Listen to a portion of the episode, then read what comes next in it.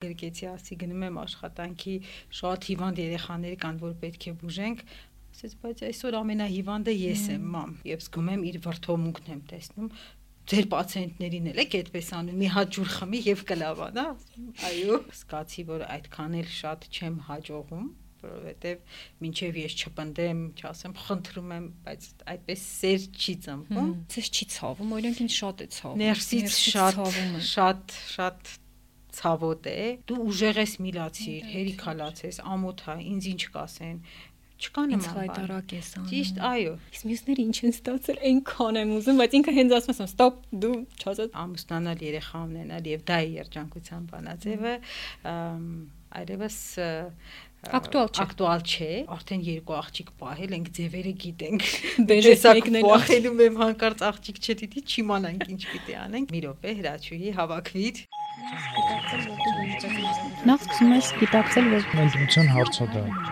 Ամենակարևորը երեխաների հետ ունենալը։ Պատմի, ինձ շատ հետաքրքիր։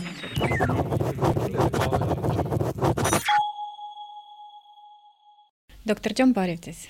Բարի օր։ Ես ես միշտ դիմում եմ դոկտոր ջան, բայց մեծ լսողների համար ներկայացնեմ Հրաչի Ղազարյան, Wigmore կանանց եւ երեխաների հիվանդանոցի բուժական գծով փոխտնօրեն եւ գիտեմ, որ առողջապահության ազգային ինստիտուտում եք նաեւ ինչ որ կարեւոր բան անում, բայց չգիտեմ ինչ, եթե դժվար չի ասեք։ Սիրով, այո, այս տարին կարեւոր է նաեւ այդ առումով իմ համար, որ մենք հիմնեցինք ընդհանուր մանկաբուժության եւ մանկական կան նեղ մասնագիտությունների ամբիոն է եւ ներկայումս ես այդ ամբիոնի պատասխանատուն եմ, վարիչն եմ։ Հոյակապ, այսինքն ամեն ինչ բծտում է երեխաների ու մանկական բարի շուրջ։ Դուք նաեւ երեք երեխաների մայր եք, երեք աղջիկների Եվայի, Անի եւ Սարայի դեռահասությունից մինչեւ դեռ նախադպրոց արդեն տարական դպրոցի, այո, Սանի եւ այսօր մենք հիմնականում ձեզ հենց հենց այդ հարցերն ենք տալու, որոնք շատ հաճախ լինելու են անբաժանելի ձեր գործունեությունից, որը նույնպես 24/7 չեն վախենա այդ գործից երեխաների հետ։ Դուք նաև իմ անձնապես իմ երեխաների բժշկուին եք, բայց շատ շատերը ձեզ ճանաչում են հենց որպես իրենց երեխաների բժշկուհի, ամենաբարի ու միշտ հասնող ու միշտ օգնող։ Եվ առաջին հարցս գիտեք ինչը կլինի, երբ ձեր երեխաները տկար են, հիվանդ են, ջերմում են, բայց դուք պիտի գնաք մի օրվա մեջ երևի չեմ վախենա մի 40-50 այդպես ջերմող տկար բալիկների օգնեք ինչ հասկում մարդը այդ ժամանակ բժիշկներ բժիշկ բժիշկ մամաները գուցե կամ առասարակ անգամ մենք երբ որ չենք գնում այլ երեխաներին օգնելու բայց պիտի թողնենք մերոնց ինչա կատարվում how it feels անգլերեն ասած Այո, իհարկե դժվար է այդ պահին հակասական էմոցիաներ են առաջանում։ Ես շատ լավ հիշում եմ, երբ աղջիկներս ջրծաղիկով էին հիվանդացել եւ միջնեկը անին բավականին ծանր էր տանում ջերմելով պարկած, նույնիսկ ի վիճակի չէր վեր կենալ անկողնուց եւ ես համբուրեցի գրկեցի, ասի գնում եմ աշխատանքի շատ հիվանդ երեխաներ կան, որ պետք է բուժենք, ասեց, բայց այսօր ամենահիվանդը ես եմ, մամ շատ տարբեր են էմոցիաները, երբեմն մեղքի զգացում է նույնիսկ առաջանում, բայց միշտ փորձում ես բալանսավորել եւ իհարկե եթե այնքան հիվանդ են որ հիվանդանոցային բուժօգնության կարիք են ունենում դա նույնպես դառնում են բուժարու իրենք այո իմ հետ աշխատանքի են գալիս արդեն բուժարուի կարգավիճակում եւ միշտ ես այդ եմ նշում, ասում եմ, բայց դու գիտես չէ ինչ առավելություն կա, որ եթե հանկարծ հիվանդանոց պարկես, ես եմ լինելու այնտեղ։ Օգնում է իրանց այդ գիտակցությունը։ Այո, այո, դա օգնում է։ Նաև այն գիտակցությունը, այն գիտակցումը, որ գնում ես որպեսի օգնես, իրենք նաև ունեն շատ սիրելի ուսուցիչներ, ես բարբերաբար զուգահեռներ եմ անցկացնում, որ այ եթե այս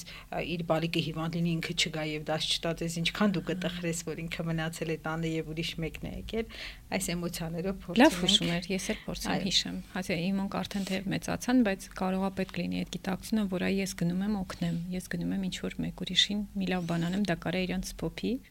եւ այդ օրինակը ծառայի։ Այսօր պատմեցիք, որ երբ գալիս էիք ձեր դիստրիկտներին ասեցիք, այ ինչ գնամ ասեմ, մի հատ կպատմեք, ինչ պատասխանեցին։ Ասի գնում եմ այսօր ձեր մասին զրուցելու, թերևս առաջին անգամ, որ մասնագիտական հարցազրույցի չեմ հրավիրված, ինչն է որ ամենալավն եմ անում, մտածեցին այս կողմ այն կողմ, հետո միջնեկս խորամանկորեն ասեց ամեն ինչն է լավ ես անում, բայց մի քիչ շատ ես ուժ գալիս դու։ Ես միշտ մամայի կարիք ուղակի շատ ունեմ։ Դոկտոր, ես հիշում եմ, երբ Եթե չեմ սխալվի, ձեր բոլոր 3 երեխաներով էլ ձեր հղիության միջև վերջին օրը դուք բոքսում էիք եւ այդ թվում իմ երեխաներին էիք փրկում այդ նվիրվածությունը, հա, այդ աստիճան աշխատանքի մեջ լինելը, այդ աստիճան ներծծված լինելը երեխաների առողջության հարցերով եւ իսկապես 24/7 փրկելով չեն վախենա այդ խոսքից երեխաներին,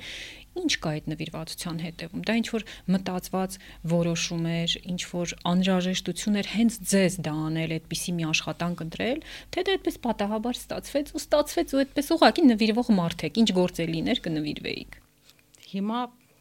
դժվարանում եմ շատ տարանջատել, ի սկզբանե որոշումը բժշկություն բժշկության մեջ գնալու այնպես չէ որ գիտակցված է եղել եւ այսօր վստահ կարող եմ ասել որ երբ մենք 17-18 տարեկանում մասնագիտություն ենք ընտրում դեռ չենք գիտակցում թե ինչ ընտրություն ենք կատարում հետո արդեն մանկաբուժության մեջ ես ունեցա շատ լավ ղեկավարներ եւ նվիրված բժիշկ մասնագետներ ովքեր իմ համար եղան դարձան իմ ռոլ մոդելը մարդ մարդիկ ումից ես սովորեցի ամեն ինչ սակայն ամեն ինչ իմ կյանքում փոխվեց երբ ես իմ երեխային ունեցա առաջնեկին վստահ եմ շատ մանկաբույժներ կան ովքեր ճունեն իրենց երեխաներին, իրենց ավակներին եւ հրաշալի տիրապետում են աշխատանքին եւ աշխատում են ամեն օր ամենևին որևէ մեկին չեմ ուզում վիրավորած լինել կամ ինչ որ դժվար գնահատել կամ այո գնահատական տալ, բայց իմ մոտ այդպես եղավ, երբ ես ունեցա իմ առաջնեկին, այդ օրից սկսված ես ուրիշ ձևով սկսեցի հասկանալ բոլոր ծնողներին, ովքեր դիմում են բժշկին օգնելու, ովքեր իրենց խնդիրներով, հարցերով, հիվանդ երեխայի հետ գալիս են եւ բուժօգնություն են ստանում։ Եվ այդ տեղից էր, որ նաև այն գիտակցումը եկա, որ եթե կարող ես եւ եթե հնարավոր է, պիտի փորձես մաքսիմալն անել։ Երևի արդեն ավելի համբերատար եք, որ նույն հարցը 100 անգամ տալիս են կամ ուղակի այնպիսի հարցեր են տալիս, որ թվում է թե շատ պրիմիտիվ է, որովհետև արդեն ուրիշ ձև եք իրենց իսկապես հասկանում։ Այո, եւ նաեւ արդեն չկան իմ համար պրիմիտիվ հարցեր։ Եթե մարդը ունի հարց, ցանկացած հարց, դա արդեն կարևորագույն հարց է, որին պիտի ըստ արժանվույն անդրադառնալ, մանրամասն բացատրել այդ ծնողական մտահոգությունները կիսել, անհանգստություններին պատասխաններ տալ, ի վերջո ծնող լինելը չեմ զլանա ասել ամենադժվար տրվող առաքելությունն է գործ առաքելությունն է այո որ մենք այդ ապարքևին արժանանում ենք ծնող լինելու երբեմն չհասկանալով թե ինչ դժվարություններ են մեզ սպասում, բայց հետո պատվով հաղթահարելը երբեմն մենակ դժվար է եւ օգնության կարիք ունես։ Մեր ոդկասթի գործընկերն է Իդրամ ընկերությունը։ Հայաստանում հասանելի է առաջին մանկական ֆինանսական հավելվածը Իդրամ Ջունիորը։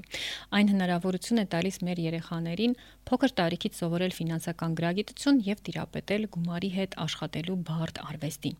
Իդրամ Ջունիորի օգնությամբ երեխաները կարող են սկանավորել QR կոդը եւ ինքնուրույն վճարումներ անել։ Իհարկե, այս ամենն արվում է ծնողի վերահսկողությամբ, ծնողը իր Իդրամից կարող է գումար փոխանցել երեխայի Ջունիորի հաշվին եւ իր Իդրամ հավելվածում տեսնել երեխայի բոլոր գործարքները։ Հավելվածը հասանելի է էկրանին տրված QR կոդով եւ ոդկասթի նկարագրության մեջ տրված հղումով։ Դոկտոր Հրաչուհի մամա, մայրը եւ Հրաչուհի մանկաբույժը իրար ինչով են օգնում եւ իրար ինչով են խանգարում, եթե կա այդպիսի բան։ Այդ երկու դերը, իրենք ահռելի մեծ դերեր են, որպես 3 երեխայի մայր, անգամ 1 երեխայի տարբերություն չկա, մայր եւ մարդ մասնագետ, ով այդ տենց երեխաների էլ ամեն օր բուժում է, հասնում է, օգնում է։ Դրանք իրար պիտի որ օգնեն, բայց հնարավոր է որ ինչ որ բանով նաև խանգարում են, որտեվ չգիտեմ, շատը դե սահմանները կաղաձուլվում են։ Հա ժամանակային առումով է դժվար, երբ դու տանն ես եւ երբեմն չես կարողանում նույնիսկ այդ տան ժամանակահատվածը նվիրել երեխաներին եւ ընտանիքին հաճախ ստիպված ես հեռախոսի մեջ բարբերաբար լինել զանգերին պատասխանել հեռակա կազմակերպել աշխատանքը ինչ որ բաներ կարդալ պատասխանել դա շատ խլում է ընտանիքից եւ երեխաների ժամանակ երբեմն իրենք նույնիսկ իրենց անուշադրության մեջ են զգում ես դա զգում եմ, տեսնում եմ, փոքր աղջիկս հենց մտնում եմ տուն, ասում է հերախոսը տուր տանեմ դնեմ այն կողմ։ Լարևս։ Հասանելի չլիներ։ Ճիշտ է, ճիշտ ես անում։ Այո, այո, եւ ես բարբերաբար հանձնվում եմ, տալիս եմ, ասում եմ, այո, սառուկ տար, մենք մեր ժամն է, միասին նստենք, կարդանք, զրուցենք։ Որպես մանկաբույժ ես տանը իմ այդ կտորը մասնագիտական անջատում եմ։ Ստացվում է։ Այո որովհետև երբ երեխաները դիմացի տեն մեկը սխալ սնվեց, մեկը սխալ հակավ, մեկը սխալ վարվեց, ասում ես, ահա հիմա սա կլինի, հիմա սա այդ բանը ոնց է կոչվում պրոֆեսիոնալ դիֆորմացիա, չէ՞, տենց մի հատ բառ կա, չէ։ Բացարձակ։ Նույնիսկ երբեմն այնքան եմ անջատում, որ լավ կլիներ, որ մի քիչ շուտ միանար մեծ աղջիկս հիվանդացել էր մի քանի տարի առաջ, ջերմում էր արդեն 4-րդ, 5-րդ օրն էր եւ ես վերաբերում եմ, դե ոչինչ ջերմումա կանցնի, հետո կիսուրս ասեց հրաչու ջան լավ կլինի մի հատ լսես տեսնես ինչա շատ է հազում լսեցի թոքաբորբեր ասեց վայ խեղճ երեխան 5 օր ասի դե երբ բերեցիք բժշկի այդ օրն էլ լսեցի այսինքն այդտեղ հաջող այնքան է մասնագիտականը հոգնեցնում, մարշում, տանում, որ դու տան այլևս չես ուզում այդ կենտրոնները ակտիվ լինեն եւ որպես պաշտպանություն գլխի անջատվում են այդ կենտրոն։ Այդ գուցե լավ այ մայ ես ձեր աղջիկների տեսանկյունից եմ նայում, որ եթե բժիշկը գատուն, բժիշկ ծնողը գատուն ու ամեն ինչին նայի հենց այդ բժշկական հասկով երևի խենթանալ կարելի։ Համ երեխաները կգժվեն, համ համ ծնողին երևի բարդ կլինի ամուսինս նույնպես բժիշկ է մեծահասակների ոլորտում երբեմն որ երեխաները հիվանդ են եւ առաջին օրերն են ջուր խմենք խեղեգուկ տանք ջերմիջեցում անենք եւ զգում եմ իր վրթոմունքն եմ տեսնում ձեր պացիենտներին էլ եք այդպես անում մի հատ ջուր խմի եւ կլավանա այո այո այո չէ իրոք այո եւ որտեվ կան տենց օրենքներ որ պետքա խորը շունչ քաշել ուղակի հեղուկ տալ չէ այդն այն ինչ ես հաստատ ձեզանից սովորել եմ որ երբ երեխան ջերվում է շատ հեղուկ նու չափի մեջ շատ է դել դել իհարկե անսահմանափակ չէ բայց հա Մեր ոդկասթի գործընկերն է Ինսպորտ մարզարողջարանային կենտրոնը։ Ինսպորտը Երևանի եւ Կապանի իր երկու մասնաճյուղերում ստեղծել է լավագույն միջավայրը, որտեղ ընտանիքի յուրաքանչյուր անդամ կարող է գտնել իրեն համապատասխան սպորտային մարզում, մանկական լողից մինչև կարատե, ուժային եւ կարդիո մարզումներից մինչև արևելյան մարտաձևեր եւ ասենք սփինինգից մինչև յոգա։ Ինսպորտի լողավազանների ջուրը, անցնելով ուլտրամանշակագույն եւ օզոնային մակրում, ապահով է եւ մաքուր եւ ամենակարևոր ինսպորտում կան մանկական խաղասենյակներ, որտեղ ձեր երեխան ապահով ուրախ միջավայրում կսպասի մինչև դուք մարզվեք։ InSport, երբ սպորտը ապրելակերպ է։ Իդեպ դիմեք InSport Deep Parenting պրոմոկոդով եւ կստանաք հատուկ առաջարկ զեղչի տեսքով։ Իսկ բոլոր կարևոր հողումները կդնենք նկարագրության մեջ։ Դոկտոր շատ առնվազն ծնողի դպրոցի սեմինարների մոտես մեկ-մեկ հրավիրում ենք մեր ծնողների համար կարդում եք, շատ եք խոսում հենց բժշկական կողմերից եւ առողջության երեխաների եւ հիվանդությունների պատճառների բայց շատ ուզում եմ ձեզ հարցնեմ։ Ձեր այս եւի 15 եւ ավելի, չգիտեմ, քանի տարվա փորձ գուցե 20 ինչ մի քանի պատճառներ կան ոչ գիտական, այլ են որ ողնուղեղով արդեն հասկացել եք պատճառները կամ գուցե այլ ձևերով, հա, ոչ գիտական հիմնավորման, որ երեխաները, մեր երեխաները հաճախ են սկսում հիվանդանալ։ Դա երբ է լինում, ինչի հետ եք դա կապում զուտ ինչ որ չգիտեմ, էլի ավելին այնց են որ մի քանի բան ինսայթ, որ մամաները հասկանան, որ ես մի քիչ այլ կողմից կամ այն ինչ ես տեսնում եմ եւ հաճախ նաեւ իմ մեծ ծնողական բանակին խորհուրդ եմ տալիս, մենք շատ ֆիքս կարծում եմ դա մեր ազգի առանձնահատկությունն է շատ ֆիքսված ենք գիտելիք ձեռք բերելու process-ի վրա, այսինքն դպրոց է հաճախում երեխան եւ մեր համար շատ առաջնային է լեզուները, մաթեմատիկան, ֆիզիկան, քիմիան 10 պարապմունք տարբեր։ Ու երբ որ հարցնում եմ, ասում եմ, իսկ ֆիզիկական որևէ ակտիվություն, լող, խմբակ, բակում խաղալ, հա, ժամանակ չունենք, չի հասնում։ Սա խնդիր է, չի կարող օրգանիզմը առանց ֆիզիկական ակտիվության առողջ լինել։ Հետևաբար հորդորս, խորհուրդս, որ հավասարաչափ կարևորենք մենք այդ ֆիզիկական ակտիվությունը շատ ավելի լավ է մաթեմատիկայի, ֆիզիկայի մի խնդիր քիչ լուծի, որևէ խնդիր չէ, բայց մենք կարողանանք ակտիվությունը պահել։ Եվ մյուս կողմը, որ հաճախ չենք տեսնում, շատ ֆիզիկական առողջությանը շատ լուրջ ենք վերաբերում, այսինքն եթե ունենանք բուժառու եւ ասենք թոքաբորբե, ականջաբորբե, հոդաբորբե պիտի բուժենք, պատրաստական բոլոր խորհուրդները կկատարեն ծնողները հոգեկան առողջության ոլորտում ցավոք դեռ այս պատրաստակամությունը չկա։ Երբ եթե ցուցենք, այո, եթե ցուցենք, որ այստեղ մենք չունենք ֆիզիկական որևէ խնդիր, պարզապես հոգեբանի հետ աշխատանք է պետք որոշ ժամանակ, առաջին պատասխանը դա դիմադրությունն է։ Այստեղ շատ անելիք ունենք եւ ծնողներին շատ հաճախ եմ ես ասում, որ դա հավասարաչափ կարեւոր է այո, ձեր երեխան զգում է այն նույն ցավը, ինչ կզգար, եթե իր ստամոքսը բորբոքված լիներ, օրինակ։ Այդ ցավը կա, բայց դրա բուժման ճանապարհը ոչ թե մենք ենք դեղերը, այլ այո, հոգեբաններն են, աշխատանքներ եւ այդ ճանապարհը որ պիտի անցնենք։ Այսինքն շատ նաեւ այս կողմն է կարևոր, որ որպես ծնող պետք է ուշադրություն դարձնել եւ հիմա շատ հաճախ մենք հանդիպում ենք դեռահասների, ովքեր հենց այս այս կտորի մեջ են հիվանդ եւ այցերը կա մի պակաս բան, չէ, որը բերում է ինչ որ ֆիզիկական գանգատների, հասկացած ես։ Սա փսիխոսոմատիկա կոչեցյալն է, որը մենք որպես ծնող մեր ծնողական համայնքը դեռ պատրաստ չէ ընդունել։ Այստեղ շատ անելիքներ ունենք։ Մենք բուհում շատ ենք անցել, իմ ամենասիրած առարկան էր երկրորդին բուհում հոգեբանություն սովորելիս, հենց փսիխոսոմատը անչափ հետաքրքիր, անչափ խառը կապերեն են տեղ իրականում։ Հիմա մեր մասնակիցներից խոսում ենք, որ շատ-շատ դեպքերում նույն ամուսինս էլ որ ձեր գոլեգան է ու ողնաշարաբան, ողնաշարի ցավեր, մեջքի ցավեր ինքնուղղորդում է հոգեբանների եւ հոգեբուժների մոտ պատկերացնում եք եւ նույնը հոգեբաններն են մեր կենտրոնի ասում, որ շատ հաճախ պատճառը մենք ենք, մեջքի ցավերի պատճառը մեր մեր կաբինետում է բուժում եւ ոչ թե օրթոպեդի կամ ողնաշարաբանի մոտ եւ մյուս կտորը, որ հաճախ մենք անտեսում ենք, մեր երեխաների էմոցիաներն են։ Այստեղ շատ բաց պետք է լինել եւ եթե օրինակ երեխան լացում է, չէ, որևէ գործողություն, լաբորատորիա է, հա, ամենա առօրյա հաճախ հանդիպող իրավիճակը քսուկ են վերցրել եւ դրանից հետո լացում է։ Մեր պատասխանը ինչպես է։ Դու ուժեղ ես մի լացիր, հերիքա լացես, ամոթ է, ինձ ինչ կասեն, չկա նման բան։ Հայտարակ ես անում։ Ճիշտ, այո, բայց ամաչեցի, հատ գրկեմ, ասեմ, բալես ցավա։ Գիտեմ ցաված, իմն էլ էր ցավում, տհաճեր, ես էլ չեմ սիրում այդ process-ը։ Այո պիտի սովորենք այդ այդ կտորը նույնպես ճանաչել եւ ընդունել։ Գիտեք, երբեմն մենք քննարկում էինք մի օր, չգիտեմ, ոդկասթի շրջանակում ունեցա այդ արդյունքը մեզ ցավոտ է տեսնել երեխաներին լացելիս։ Մենք դրա հետ խնդիր ունենք։ Դրա համար ուզում ենք վարքյան առաջ կասեցնել այդ լացը, որ մեզ չցավա։ Եվ երկրորդ պատճառը ամոթ մենք ամաչում ենք, որ երեխան այսքան բժշկի ներկայացում բժիշկները 24/7 լաց են լսում փոքր երեխեքի նորմալ է։ Իրանք իրանք դրա հետ օքեյ են, բայց մենք դրա հետ այդքան էլ հարթ չենք։ Նույնը նաև դպրոցում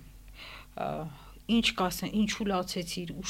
ամոթեր, հիմա ուսուցչուհիդ ինչ կասեր, ուսուցիչդ ինչ կասեր։ Պիտի փորձենք փոխել մեր մեջ։ Այսինքն դառնանք ավելի հանդուրժող երեխաների հույզերի նկատմամբ։ Այո, ճանաչենք, ընդունենք, օգնենք եւ միասին գրկենք, լացենք։ Այո, բայց Չարություն է անում շատ լավ։ Այո, փորձենք գրկել, կարող է սա հանգստանա ու խաղաղի։ Համեն դեպս մենք հանգիստ լինենք, որ բժիշկները չեն նեղվում երեխաների լացից։ Okay, ուրեմն հիվանդանոցում այդ միջամտությունների սենյակ կոչեցյալում թեթև տանենք, եթե մեր երեխաները լացնում են։ Մեր ոդկասթի գործընկերն է Libra հոգեբանական աջակցության կենտրոնը։ Libra-ի հոգեբանները օգնում են բոլոր նրանց, ում կյանքում ինչ որ բան այս պահին չի գոհացնում։ Հույզեր, հարաբերություններ, իրադարձություններ, զարգացումներ կամ դրանց բացակայությունը, մարդիկ կամ նրանց բացակայությունը միշտ դիտարկեք մասնագետի օգնությունը, երբ խոսքը գնում է հոգեկան առողջության մասին։ Այո, միայն դուք կարող եք իսկապես հասկանալ ձեր խնդիրները եւ լուծել դրանք, բայց հոգեբանը հենց այն մարդն ով երկար տարիներ կրթություն եւ փորձառություն է ձեռք բերում, որպեսզի օգնի ձեզ դա անել։ Libra հոգեկան առողջությունը կարևոր է։ Libra-ի հասցեն Երևան Կոմիտաս 12 հեռախոս 094 224 223 Հղումները կդնենք ոդքասթի նկարագրության մեջ։ Դոկտոր խոսեցինք երեխաների գերծանրաբեռնվածությունից, դա խնդիրների խնդիրն է այսօր, թեև ուրախ եմ, որ տենդենց կա, սկսել են շատ գիտակցել զույգերը, որ իսկապես ինչ որ չափ կա, որը անցնել պետք չի ու պետք չի ինքը գնա եւ թվաբանություն սովորի եւ լողի գնա եւ բարի եւ երկի եւ կարատեի եւ դպրոցում էլ 5-երով սովորի խոսում են ազատ ժամանակի կարևորության մասին շատ, որ երեխան պիտի ունենա ազատ ժամանակ, պիտի ունենա պարապ ժամանակ, պիտի ունենա ձանձրած ձանձրության մեջ ժամանակ եւ այլն, որտեղ այդտեղ նաեւ ստեղծագործում է եւ այլն շատ այլ հարցեր, բայց դուք ո՞նց եք բալանսավորում, մենակ դուք ո՞նց եք ձեր երեխաների հետ վարվում։ Կան պարտադիր խմբակներ, որ տանում եք, կամ պարտադիր գործունեության տեսակներ, որ տվել եք կամ տալիս եք հիմա, հա, ու տանում եք այդ ակումբներ, խմբակներ, եւ ո՞նց է ձեզ մոտ այդ բալանսը։ Ոնց եք դուք գտել այդ ոսկե միջինը իհարկե երբ դեռ փոքր են շատ ընտրության հնարավորություն տալ դժվար է որտեվ երեխան երեխան ինքը չի պատկերացնում թե այդ խմբակում ինչ է ստանալու եւ դրանով պայմանավորված մենք մի քանի բան ենք փորձում, երբ դեռ նախադպրոցական տարիքում ենք։ Օրինակ եւ այ հետ սկսեցինք պարով, մի քանի դաս գնալուց հետո դեռ ընդամենը 5 տարեկան էր, ասեց իմ դուրը չի գալիս, ես չեմ ուզում, եւ ես շատ հանգիստ վերաբերվեցի այդ մարդը չի սիրում եւ չի ուզում, չի սիրել։ Հետո փորձեցինք լողը եւ հասկացանք, որ լողը իր տարերքն է, ինքը անասելի սիրում է եւ հաճախում է։ Զուգահեռ երաշտական դպրոց ընդունվեց եւ այնտեղ շատ շատ սիրելի ուսուցչուհի ունեցավ, ավարտեց երաշտական դպրոցը սիրով, իր կամքով։ Բացառիկ դեպք է, ասեմ ձեզ, որ սիրով կամքով 7 տարի երաշտական։ Ես նույնիսկ ընթացքում առաջարկում եմ եւ կարողա ուզենաս չգնաս բան տեսնելու իր էմոցիաները չեմ ամ եւ հիմա նույնիսկ ավարտելուց հետո ինքը խնդրեց մեզնից երկրորդ գործիք, նվագում է, սիրում է իր ազատ ժամանակը, այո, այդպես երբ դուք տանը չեք, ես սիրում եմ նվագել։ Ես էլ էի այդպես, բոլորը պիտի տնից գնային, նոր ես դաշնամուր նվագել։ Վայելում է այդ։ Միջնեկի հետ նույնպես փորձեցինք լողջը սիրեց դուրս եկավ իրենը հակառակներ սիրեց պար եւ այդպես պարային ակտիվություններ ֆիթնես ավելի բնավորությամբ էլ շատ տարբեր է եւ ինքը ընտրեց ֆլեյտան որպես երաշտական գործիք սիրով հաճախում է այս տարի ավարտելու է էլի իր ընտրությամբ մենք գնացել էինք տարբեր համերգների ինքը սիրեց եւ մամ ես ֆլեյտա եմ ուզում շատ լավ ուզում ես կփորձենք Սարան դեռ առաջին դասարան է որևէ այլ երաշտական գործիք չի հաճախում ես շատ կուզենամ փորձել ինքը մտնի երաշտություն որտեղ դա լրիվ այլ աշխարհ է եւ այլ աշխարհահայաց է նաեւ ձևավորում արդեն ինքը տեսնելով մեծերի օրինակ, ասում եմ, մամ, որոշեմ դաշնամուր եմ ուզում, ֆլեյտա եմ ուզում, թե ուրիշ մի բան եմ ուզում, կփորձենք, բայց եթե չուզեց, բնականաբար չենք ստիպի։ Իսկ սպորտային ակտիվություններից ինքը նույնպես իրել է բարը եւ շաբաթը երեքով բարի է հաճախում։ Շատ շատ այն որ ասում անհրաժեշտ եւ բավարար։ Այդ իմ սիրած խոսքն է։ Դա ոսկե միջինի նման մի բան է։ Անհրաժեշտ եւ բավարար քանակի եւ որակի եւ այդտեղ ստոպ ենք տալիս։ Ի վերջ։ Շաբաթ Կիրակի օրերը նկարչության են գնում իրենց իսկ ընտրությամբ եւ որոշումով, որտեղ ավելի շատ խաղում են, քան որևէ այս գիծը այնպես չարեցի։ Իրենք ձերքը այնպես դրված չէ։ Գնում են պարզապես սիրողական այդ իրենց սիրով նկարելու ժամերն են Իսկ տանը հիմնական ազատ ժամանակը մեր շունիկն է, ում հետ սիրով սիրով երկրորդ հյուրն եք, որ շունիկ ունեք։ Ես շատ փորձում եի իրենց մեջ դնել այդ կարդալու հանդեպ սերը եւ հետաքրությունը, որտեղ զգացի, որ այդքան էլ շատ չեմ հաջողում որովհետև մինչև ես չպնդեմ, չասեմ, խնդրում եմ, բայց այդպես սեր չի ծնվում։ Հետո քրոջս քույրերիս խորհրդով փորձեցինք այս էլեկտրոնային գրքերը, e-reader-ները եւ հասկացա, որ դրանով տարվել են եւ իրենք իրենց դարի մեթոդն է։ Այո, մեթոդը բովանդակությունը նույնն է, բայց մեթոդը փոխեցինք ու աշխատեց։ Այո, եւ շատ լավ աշխատեց։ Հիմա արդեն իմ կարիքը չունեն, որ ես իրենց հիշեցնեմ, կարդացեք գնում եմ դուրվածում, տեսնում եմ արդեն իրենք իրար հետ քննարկում են, կարդում են։ Սուպեր։ Դուք խոսեցիք ձեր քույրերից, դուք ոնց ես եմ հետևում շատ քիչ, բայց շատ կապված եք կարծես ձեր քույր եղբայրներով, չգիտեմ եղբայր ունեք թե չէ, քույրերին գիտեմ։ Ուզում եի հարցնել, դուք ձեր երեխաների մեջ սերն ու հարգանքը միմյանց նկատմամբ, անգամ սեր հարգանքել չգիտեք, կապվածությունը, այդ հոգևոր կապվածությունը, ոնց եք ոնց եք դա դնում, այդ հիմքերը դնում թե ոչինչ էլ չեք անում ինքն իրան ստացվում է։ Ինչու եմ սա հարցնում, որովհետև շատ կա տարբերակներ, որ եթե տարիքային իրար մոտ են, անընդհատ վեճ ու կռիվ է երկար տարիներ։ Եթե հերո են, ոնց իմ երկու աղջիկները, իրենք ընդհանրություններ չունեն հետաքրքրություններ անգամ մեկ հատ ընդհանուր չունեն, բացի մամայից ու papaից, ուրիշ իրար կապող բան չունեն։ Ուզում հասկանամ ինչ որ մի բան, բանաձև կարողա գտել եք։ Այ ոնց, ինչ, ինչ գործողությունների արդյունքում, ինչ զրույցների արդյունքում, ինչ ավանդույթների արդյունքում է, որ ձևավորվում է այդ քույրի եղբայրական ամուր կապը։ Այո։ Այդտեղ իմ գործը շատ հեշտ է ստացվել, քանի որ ես ինքս 5 քույր ունեմ, մենք 6 քույր ենք, այո, եւ շատ իրար հետ շատ կապված քույրական համայնք ենք այդպես է ստացվել մենք ցավոք մեր ծնողներին շուտ կորցրել ենք եւ իրար հետ այդպես շատ սերտ կապված լինելու շնորհիվ կարողացել ենք հաղթահարել դժվարությունները կյանքի եւ հիմա իրենք տեսնում են մեզ, նաև տեսնում են ամուսնուսով ունի մեկ քույր, ինչքան մտերիմ ենք նաև իրենց հետ եւ սա լավագույն օրինակն է, որ իրենք տեսնում են նույնիսկ այս վերջերս ես մեկնել էի քրոջս մոտ քույրերիկս քույրերից մեկը Ֆինլանդիայում է բնակվում առանց երեխաների առանց ամուսնու գնացի մի քանի օր եւ հետ եկա կարոտս առնելու հետ եմ եկել եւ իրանք իրար մեջ խոսում են միջնեկը ասում է բայց ես չեմ պատկերացնում որ օրինակ Եվա դու հերո ապրես մենք ինչպես պիտի դա կազմակերպենք Արդեն մտածում են ոնց պիտի առանց իրար, մեկը Ֆինլանդիայում, մեկը Հայաստանում ոնց պիտի ապրեն։ Իհարկե վեճերը անպակաս են եւ անի նույն տարիքային խմբի մեջ են, ինչքան իրար հետ են, այնքան վեճեր, անհամաձայնություններ, տարակարծություններ ինքը շատ նորմալ է։ Իրենք Այդ վեճերը իրանց նաեւ ամրացնում է, ամտերմացնում է, չէ՞։ Այո, իրենք վիճում են, իրենք ամեն մեկը իր կարծիքն ունենում, հետո իրենք իրար հետ ջերմանում են, ես երբևէ չեմ միջամտում այդ գործը։ Այդ էզում հարցն ինչ է կանում, երբ վիճում են։ Ոչինչ չեմ անում։ Նախ ցես չի ցավում, օրինակ ինձ շատ է ցավում։ Ներսից շատ շատ շատ ցավոտ է, երբեմն մտահոգվում եմ, հազիվ եմ դիմանում, որ չգնամ եւ չմիջամտեմ, բայց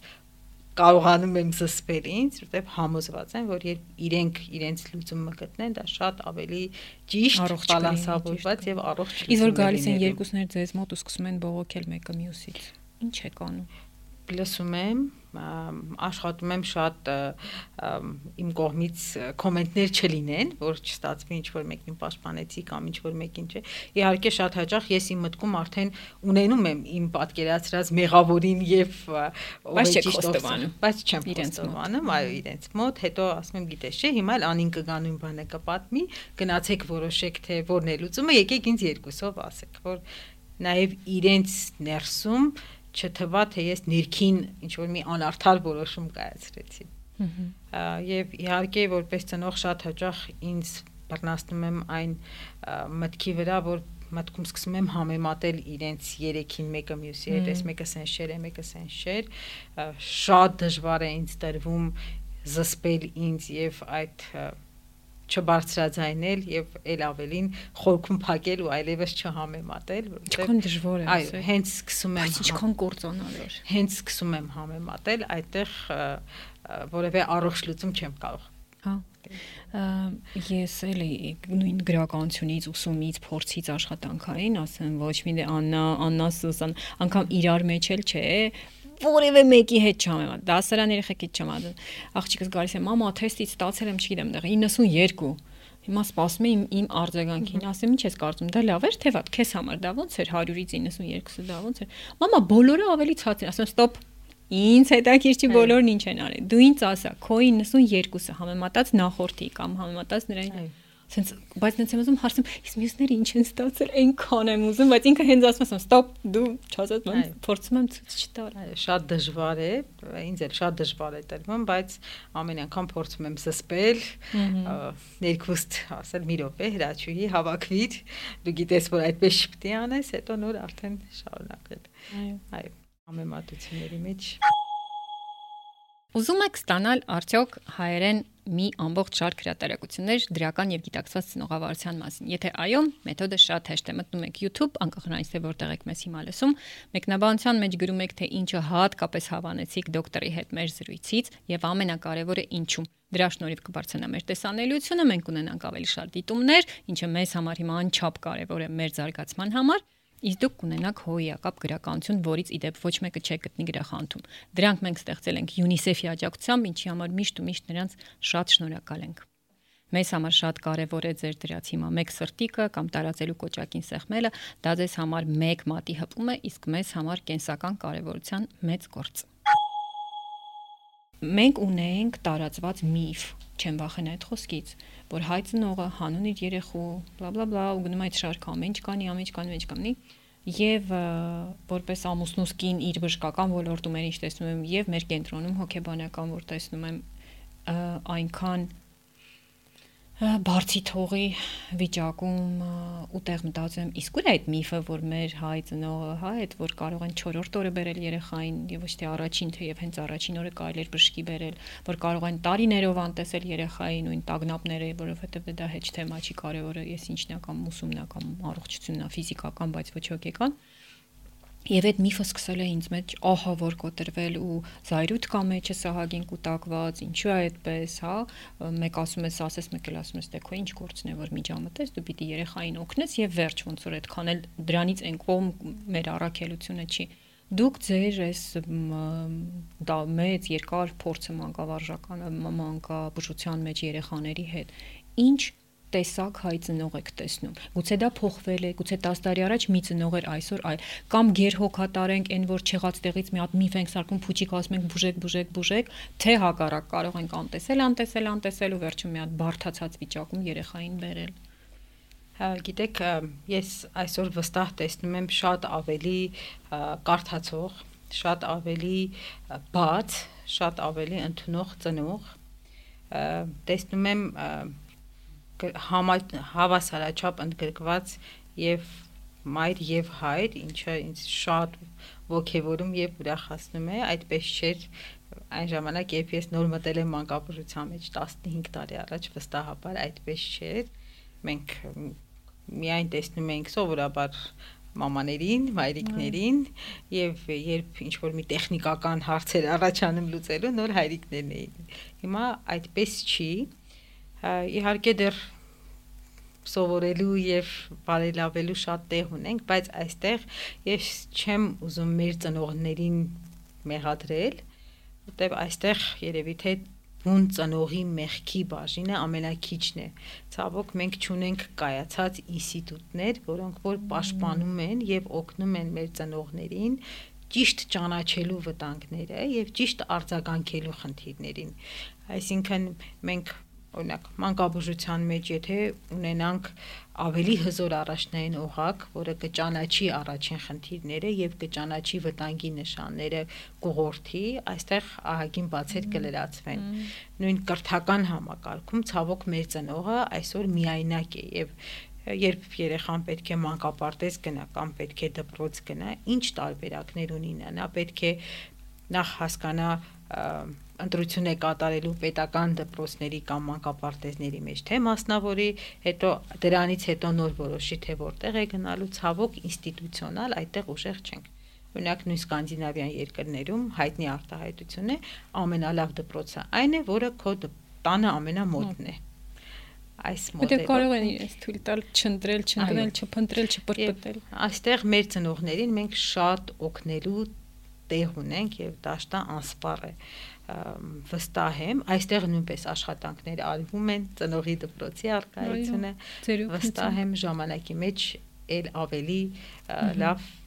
կետի պետք է հասնենք։ Ոյակապ շատ լավ է դա։ Ձեր երեխաներից ինչ որ մեկը այդ մտքովս անցավ բժշկուհի դառնալու, բժիշկ դառնալու միտում հետաքրքրություն ունի եւ դուք ոնց կվերաբերվեք եթե մեկը գա իրենցից եւ ասի մամա ես գնում եմ դառնամ բժիշկ կասեք հա թե կասեք ոչ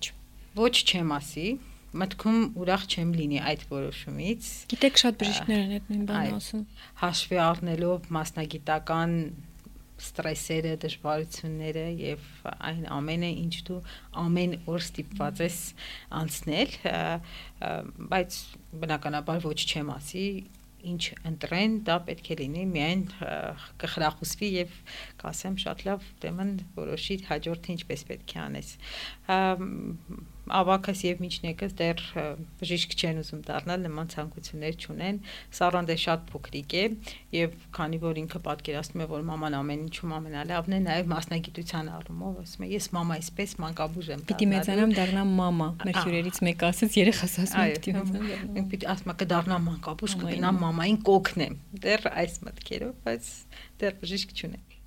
Իսկ դուք չեք խրախուսում, այսինքն չկա հատուկ միտում, որ ասել, օքեյ, հեսա շուտով ավակ դպրոցինչություն, բերեք քիմիակենսաբանություն հոսքը ընտրենք, ես էլ ձեզ կօգնեմ, հակառակ ինչ որ sense ներքին բացարձակվի։ Հա որևէ ձևով չեմ խրախուսել։ Ես ճիշտ հակառակ պատկերացումն ունեմ, որ ժամանակին մենք շատ նեղ ենք նայել եւ շատ նեղ ենք ընտրել։ Այսօր պետք է հնարավորություն տալ, որ ընտրենք շատ ավելի լայն ենթադրենք, եթե տեխնիկական առարկաներն են կամ այդ նույն բնագիտական առարկաներն են ընտրել ավելի լայն ինչ որ բան, 4-5 տարի սովորել եւ հետո եթե կուզենա եւ այդ գիտակցված որոշումը կլինի, նոր արդեն գնալ ավելի նեղ մասնագիտացման ճանապարհով։ Դոկտոր, մենք պիտի մտածենք երեխա ունենալուց առաջ, թե ունենանք առանց մտածելու։ Ամ մենք եթե արդեն իսկ հայտնի փաստ է որ երեխա կա, պիտի ուրախանանք այդ փաստով, բայց միայն ուրախանալը բավարար չէ, միանշանակ պետք է մտածենք պետք է մտածենք եւ ունենալուց առաջ եւ փաստի իմանալու եւ ընթացքում եւ հետո ընթացքում եւ հետո այո առանց մտածելու չենք կարող մեր երեխաներին տալ այն առավելագույնը ինչ հնարավոր է իսկ երբ ասում ենք երևի հարցս մի քիչ ավելի բաց եմ շատ երիտասարդ զույգեր ամուսնանում են եւ մտադրված, մտածված, ոնց հիմա ասում ենք թող մտածեն, շատ լավ, չեն ունենում երեխաներ, պատրաստ չեն զգում հավանաբար, գուցե ունեն իրենց պատճառները, չեն ասում չէ, բայց նաեւ չեն էլ ուզում ունենալ անմիջապես, ոնց ընդունված էր դիցուկ 30 տարի առաջ, հա, կամ անգամ իմ օրոք, որ 18 տարի առաջ եմ ամուսնացել 19 այդպես չէր, այնտեղ գիտեք ոնց որ ինքնաբերաբար դե ամուսնացել ես, պիտի անմիջապես հղիանաս երեխա ունենաս, անգամ տարօրինակ էր համարվում, որ դու ամուսնացել ես ու անմիջապես չես հղիանում, ուտեղ սկսվում էր մի ամբողջ ահուդողի շլեյֆ, թե եսի չեն հղի, հա, այս ինչից կլինի տանենք, բուժենք հետո հիմա երիտասարդ զույգերը շատ ավելի խաղաղ են նրա հետ, որ պետք չի անմիջապես ունենալ, բայց դա բերում է շատ ուրիշ հետևանքների բացասական հիմնականում կամ այդպես էլ շատ են ձգում հետո արդեն ինչ որ ուրիշ իսկապես ֆիզիոլոգիական տարբեր սահմանափակումներ են արդեն ձևավորվում, որի պատճառով չեն կարող ունենալ կամ հոգեպես պատրաստ չեն այդ ընթացքում անգամ ցավոք սրտի բաժանությունների թիվն է ահա որ բարձրացել Հայաստանում ստատիստիկայի նայում մոտ 95%-ով ավելացել է քան նախորդ տասնամյակում բաժանությունների թիվը ու մտածում ես դեգուցե եթե երեխա ունենային կարողա չբաժանվեին կամ չգիտեմ ինչ այ Այսպիսի նուրբ հարցեր կան, ուզում եմ ձեր կարծիքը որպես երեխաների հետ այդպես ակտիվ աշխատող, այդքան ծնողի հետ շփվող մեկը ժամանակակից ծնողներ, դե մենք ես իմ տարիքի ծնողներն եմ տեսնում հիմնականում, դուք բոլոր տարիքների այ որն է ավելի ճիշտը կամ ճիշտը որն է, այսինքն ինչն է դրթում մարդուն ունենալ երեխա, ծնող դառնալ եւ ինչը հակառակ հետ է պահում ըստ այսօր։ Այո, այսօր ես դիովին համաձայն եմ, որ ավելի գիտակցված որոշում է ծնող դառնալը։ Գիտեք, ես այսպես կարող եմ ասել, որ նախքին երջանկության բանաձևը, որ ամուսնանալ երեխա ունենալ եւ դա է երջանկության բանաձևը, այլևս ակտուալ չէ, ակտուալ չէ եւ բոլորս գիտենք, որ այո, զույգերը կարող են որոշել միասին ապրել, ընտանիք կազմել եւ երեխա չունենալ եւ լինել այնքան երջանիկ, ինչքան այն ընտանիքն է, ով որոշել է երեխա ունենալ եւ այստեղ ես չեմ կարծում, որ մենք որևէ խնդիր ունենք շատ ավելի մեծ խնդիր է, երբ ընտանիքը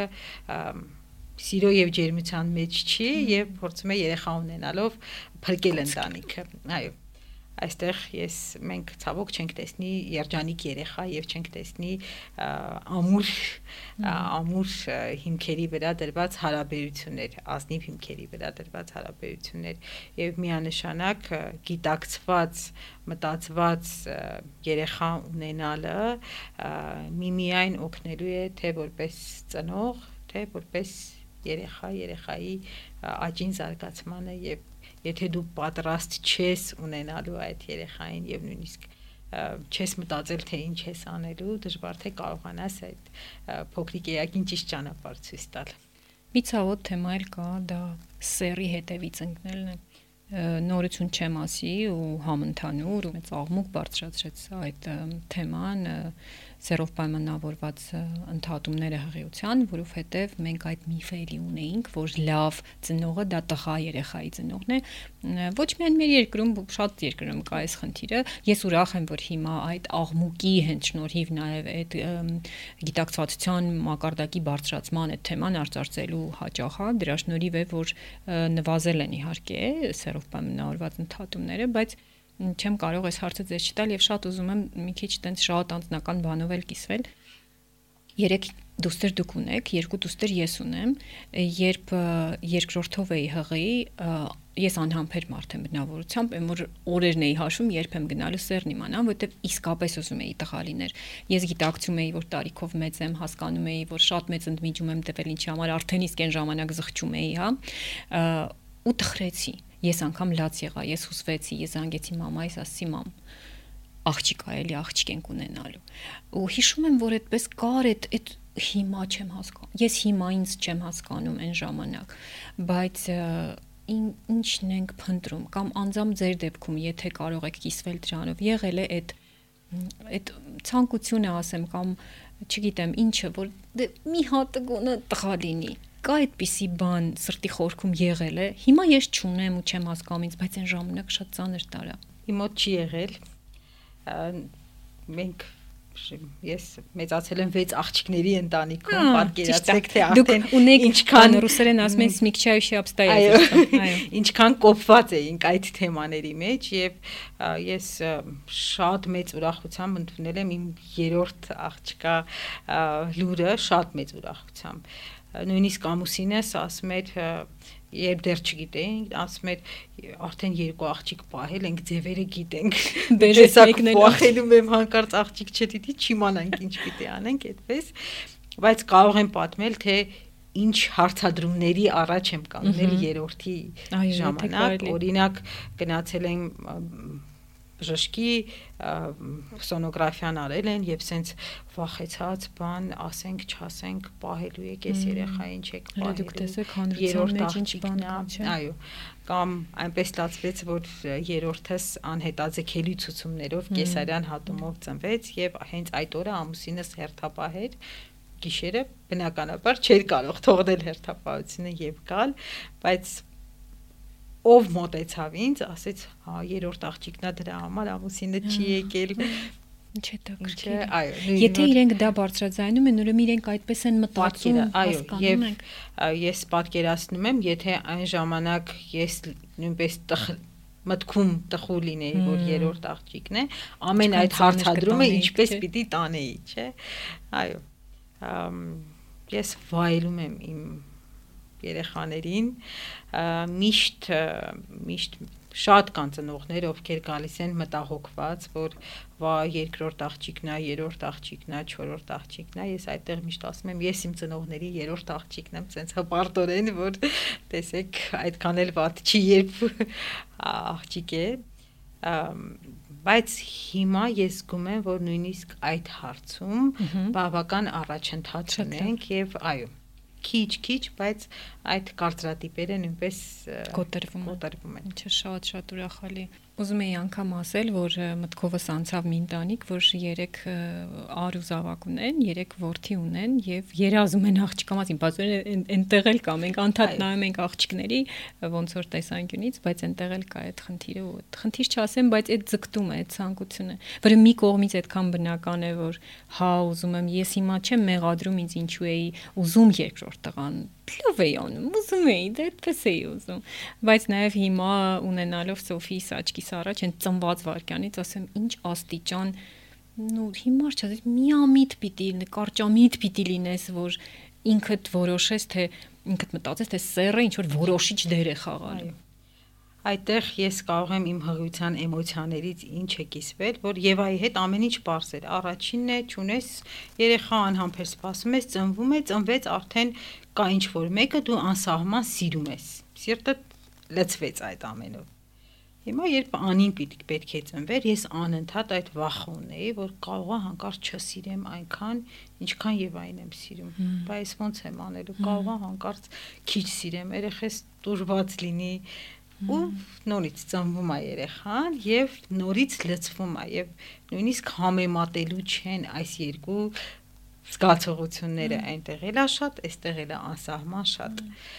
Ոչ քանակն ապտուժում, ոչ որակ։ Այո, ու թվում է թե արդեն գիտես ամեն ինչ ու հետո երրորդն եկավ Սարայի ժամանակ լրիվ նույն էլի վախերը, որ ասում եմ Աստված իմ, հիմա ես երկուսին այդքան սիրում եմ, այդքան այդ ջերմությունը, սերը կա, հանկարծ ծնվի ու պարզվի էլ տեղ չկա այդքան սիրելու։ Ինչ եմ անելու, բայց չէ, մայրությունը հրաշք երևույթ է, ծնվում են եւ վերջ։ Ու ես թողներեն հայր ծնողները իրենց ժամանակ է պետք, որպեսզի իրենք սիրեն իրենց երեխային։ Ես առնվազն մեր դեպքում այդպես կարող եմ ասել, որ ծնվում է բալիկը եւ դու մայր որպես արդեն գժվում ես, խելագարվում ես, հայրը գիտակցում է, որ իրանն է, էլի խնամում է ամեն ինչ, բայց այդ սերը եւ կապվածությունը այդ աստիճան ուժեղ ժամանակի մեջ է, որ տեսնում ես։ Այո։ Շատ այո։ Երբ երկրորդով հղի էի ու առաջնեկից հայտնեցի այդ լուրը, ուրեմն շունիկի նման է շունիկներ ուրախությունից տերը տուն է մտնում, սկսում են, գիտեք, շունիկ ունեք ոնց են այսպես վազվում ուրախությունից մեր մոտ մոտ մի 5 րոպե այդ վիճակներ ես sense նստած էի ու մեծս sense ստանով մեկ ուրախությունից վազում էր հետո զրույց ունեցա, դե զգացի, որ ինչ որ չեմ իջում արդեն ինչից, բայց ոնց որ զգացի, որ ինչ որ բան ունեմ ինչ հետ խոսելու, արդեն մոտենում էին օրերը ծնդաբերության ասեց մամ հիմա որ երկրորդը ծնվի դու ինձ արդեն չես սիրելու չէ ձևը այդպես է այսինքն սիրում ես այնքան չէ հետո նրան է սիրում հետո նրան է սիրում ու այնքան խորներ իր մեջ այդ գիտակցումը, որ Աստված գիտի թե որտեղից էր, չեմ չեմ կարող ասել որտեղից էր ինքը դա հայտնաբերել, որ սկսվեցին օրինակ գիշերային մղձավանջներ, սկսեցին մտատանջություններ, որ փաստորեն ձևը այդպես է, դե հենց ծնվեց։ Երկրորդը ու ինչքան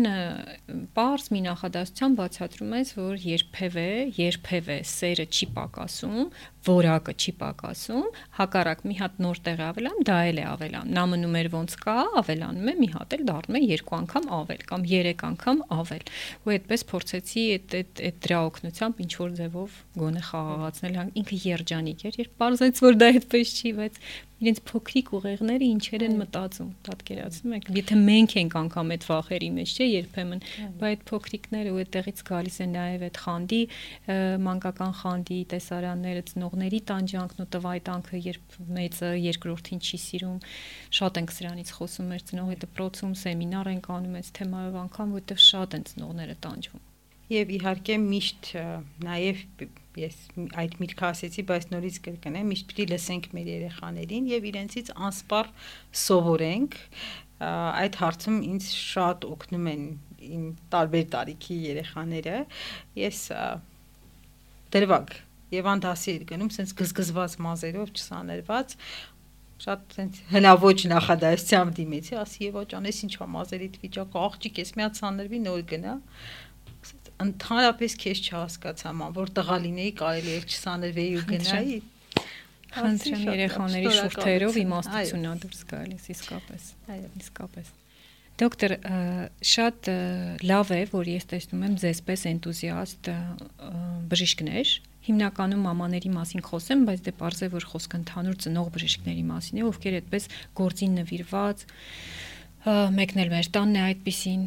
շատ շատ շատ շատ նվիրված այնքան որ իսկապես չի հերիքում տանը չի հերիքում ընտանիքին չի հերիքում երեխաներին բայց ամենակարևորը ինքը չի հերիքում ինքն իրեն չի հերիքում հանգստի, չունի ժամանակ հանգստի, մտավոր հանգստի, անգամ ֆիզիկական հանգստի, որ ուղեղով խաղաղվես, հանգստանաս, կտրվես եւ այլն ինքնախնամքի դերը կարծում եմ հենց բժիշկ ծնողների պարագայում ինձ այդպես է թվում թե տանից եմ դա այդ ամեն ինչը տեսնում շատ կարևոր է ասացիք որ մեկնել եք ձեր քույրիկի մոտ կարոտից ելներով զուտ գնամ կարոտես առնեմ կար դա ինքնախնամքի ձև է չէ այո այո Ինչ ուրիշ ինքնախնամքի ձևեր կհուշեք, գուցե հենց բժիշկ ծնողներին կամ այդպես ծանրաբեռնված պատասխանատու աշխատանքներին գտնվող, հա, մարդու կյանքի հետ գործ ունեցող աշխատանքներին այստեղ կարևորը աշխատանքում ուժեղ թիմ ունենալն է եւ այդ թիմ երբ թիմը ուժեղ է դու կարող ես քեզ արդեն հնարավորություն տալի եւ հանգստանալու եւ աշխատանքից կտրվելու, որովհետեւ գիտես, որ կա մի ուժեղ հզոր թիմ, որ ամեն ինչ անելու է եւ այդտեղ որևէ երեխա, որևէ ընտանիք չի դուժելու, որ դու այդ պահին այնտեղ չես բարեբախտաբար այսօր մենք արդեն ունենք այդ առավելությունը եւ այդ թիմը եւ նաեւ ծնողական համայնքը մենք որպես բուժառուներ պիտի գիտակցենք որ բժիշկը չի կարող լինել լավ բժիշկ եթե անդադար միայն աշխատանքի մեջ է բուժքույրը չի կարող լինել լավ բուժքույր եւ այդպես բոլոր մասնագիտություններում ուսուցիչը չի կարող լինել լավ ուսուցիչ, եթե մենք դասը ավարտվելուց հետո երեկոյան մինչև հաջորդ առավոտ անդադար նրան սանգենք կամ գրենք, անհանգստացնենք եւ չթողնենք որ այդ մարդը հանգստանա կարթա, վերականգնվի, ուղեղը վերականգնվի եւ պայծառ մտքով նորից վերադառնա աշխատանքի։ Սա շատ կարեւոր է։ Եվ բոլոր բոլոր մասնագիտություններում անկախ նրանից դու ունես երեխա թե չունես երեխա պետք է դու քո անձին ժամանակ տաս հնարավորություն տաս ինքդ քեզ ճանաչելով իմանաս այն սահմանը երբ արդեն մոտ ես որ թելը կարող է շատ ցկվել չթողնես նույնիսկ այդ շատ ցկվել ստացվում է ձեզ դոկտորես այո շատ լավ եւ իհարկե այդ սահմանները շատ եւ ժամանակը շատ տարբեր են։ Ինձ շատ ավելի իմ կարծիքով ինձ շատ ավելի կարճ ժամանակ է պետք, քան իմ ընտանիքին է անհրաժեշտ։ Հաճախ ես ասում եմ, տեսեք ինչ լավ էր, մենք ամբողջ Կիրակի միասին սա արեցինք, սա արեցինք, սա արեցինք, եւ իմ երեխաների կլոր աչքերին եմ նայում, որ իրենք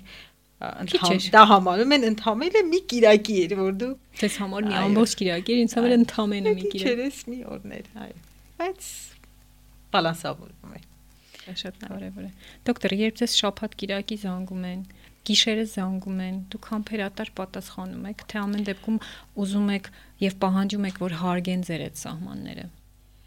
Անհնարին է պատասխանել բոլոր զանգերին, իսկապես անհնարին է դրա համար կոնկրետ բժշկի մասնագիտության մեջ Մենք բարեբախտաբար ունենք շտաբ բուժօգնության ծառայություն, որը 724 հասանելի է եւ կարելի է զանգել, եթե անհետաձգելի իրավիճակ է։ Ունենք գործող անհետաձգելի բուժօգնության բաժանմունք, որը 724 աշխատում է եւ եթե այդպիսի իրավիճակ է, պետք է վազել այնտեղ եւ շտաբ անհետաձգելի իրավիճակներում հուսալ, որ հերախոսով կարելի է հարցին լուծում ստանալ, դա անհնարին է։ Ինչ կասեք այդ հիմա շատ-շատ միայն ծնողներ են հիմնականում մեզ նայում ոնց վարվեն, երբ երեխան շաբաթ օրով կամ շփաթ գիշերով կամ կիրակի օրով իսկապես լավ չի։ Վերցնել հեռախոսն ու զանգել անմիջապես մանկաբուժին, թե վերցնել հեռախոսն ու զանգել շտապօգնություն կամ խտտել երեխային ու վազացնել անհետաձգելի բուժօգնության բաժան։ Այս երկու ճանապարհն է, եթե շտապ իրավիճակ է եւ մենք տանը արդեն գիտենք, որ չենք դինորինում եւ չենք կարողանում կառավարել իրավիճակը, կամ զանգահարում ենք շտաբ բուժօգնություն, կամ վազում ենք մոտակա բուժ հաստատություն, որտեղ վստահաբար կանեն ամեն ինչ ավելի լավ, քան հերախոսի այն կողմում գտնվող բուժ աշխատողը, ով նույնիսկ հնարավորություն ունի տեսնելու եւ գնահատելու ձեր երեխային։ Եվ ի տարբերություն դրա, պլանային հարցերի հետ կապված, ենթադրենք քրոնիկ խնդիրներ են եւ ինչ որ մանր շտկումներ կան կամ օրինակ հավելասնունդը մցվել է երեխայի եւ ինչ որ մանր հարցեր կան, այո, այդտեղ ունի հնարավորություն ծնողը կապվելու իմ հետ, կա գրելու միջոցով եւ ես բոլորից զգուշացնում եմ, որ ես երկու երկու օրվա մեջ անպայման ձեր հարցին պատասխանում եմ, եթե դա պլանային մանր բան է եւ դրա համար կարիք էլ չկա, որ դուք վերկենակ հասնեք բուժ հաստատություն։ Այս մշակույթը նույնպես պիտի իրոք մշակույթը լավ բառ ասեցիք։ Մենք բոլորս գիտակցենք, որ չենք կարող գիշերը երկուսին զանգել տանը գտնվող մարդուն եւ ասենք, գիտես, գիտեք ինչ ասենք, դու բժիշկ ես, դու պարտավոր ես օգնել։ Դու երթում ես տվել։ Ասա ինչ անենք, հենց հիմա առանց երեխային կլինիկորեն զննելու հնարավորության առանց առանձնապես մեր կողմից գրագետ տեղեկություն տալու դու պարտավոր ես դա անել իսկապես համ հասկանում ես այդ մտահոգություն ծնողների համ նաև տեղ պիտի թողնես որ բժիշկը իրեն մարդը զգա ու ինչ որ սահմաններ ունենա իր իր կյանքի իր ընտանիքի համար բժիշկը նույնպես մարդ է Հա, այնպես ինչպես ուսուցիչը նույնպես մարդ է ես նույնը նաև ծնողներ որպես ծնող նույնը նաև մեր ծնողական համայնքին եմ ասում ուսուցիչը նույնպես մարդ է եւ ավարտվեց դասապրոցեսը եկավ երեխան տուն ինչ որ հարցեր ունենք որը բացարձակ շտաբ եւ ինչ որ չեն հավաքենք մեր հարցերը կլինի ծնողական հանդիպում կամ կլինի նամակի ձևով պլանային կկազմակերպենք դա հարգելով մյուս բոլորի ժամանակը վստահ եմ այս մշակույթը նույնպես կմտնի ժամանակ է պետք նաև այստեղ պետք է մեր ընդհանուր կոլեկտիվ ուժը եւ կամքը, որովհետեւ գիտեք, շատ հաճախ տարբեր կոմերցիոն նպատակներով մարդիկ կարող են պատրաստ լինել նաև գիշերվա 3-ին զանգին պատասխանել, դա վստահաբար ճիշտ ճիշտ մշակույթը չէ։ Այո, երբ ամուսնուս էջը բացում էինք Instagram-ում մի տարի առաջ, ասեց արի մի հատ հոդված գրենք հերախոսաբուժության մասին, ասում, ինչի նկատի ունես, ասում է որ ես հերախոսով Wi-Fi կապով եւ այլ կոսմիկ տիեզերական կապերի միջոցով լարի այն կողմից չեմ կարող ձեր երեխային բուժել ավելին, եթե ես դա անեմ, իմ մոտ այլևս չգաք, ուրեմն ես վատն եմ, ես վատ բժիշկ եմ, ես անպատասխանատու բժիշկ եմ եւ ես կարող եմ իսկապես սխալվել եւ դա լինի ճակատագրական, քանի որ թեման ինձ համար է ցավտը, ես որպես բժշկի կինում գիշերը զանգում են ժամը 12-ին ասում են դոկտոր 6 ամիս առաջ են, որ ասեցիք գանք, կարանք գանք, ու դա անում են, ասենք ուրբաթ 3-ան 12-ին գիշերը 12-ին ասեմ որ իսկապես շատ-շատ կարևոր մշակույթ է դա գիտակցել որ հերախոսային կողմում մարդը եւ այդ մարդը կարիք ունի տեսնելու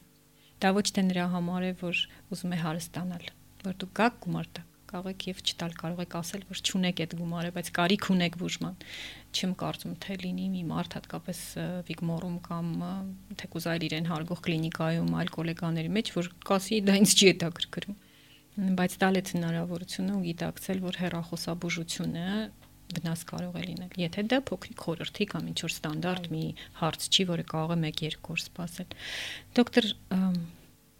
մենք երեխա ենք ունենում երևի նրա համար, որ իրենք լինեն երջանիկ, ոչ թե նրա համար, որ մենք լինենք երջանիկ, չէ՞։ Այ ինչ պիտի մենք որպես ծնող այսօր անենք, որ երեխաները ոչ միայն այսօր, այլև վաղը լինեն երջանիկ։ Ունեք նման միտք ունեցել եք, մտածել եք սրա շուրջ։ Եվ ո՞րն է այդ բանաձևը։ Այո, ես իմ գլխում մի բանաձև ունեմ, դա ճիշտ արժեքներ սերմանելն է երեխայի մեջ։ Եվ եթե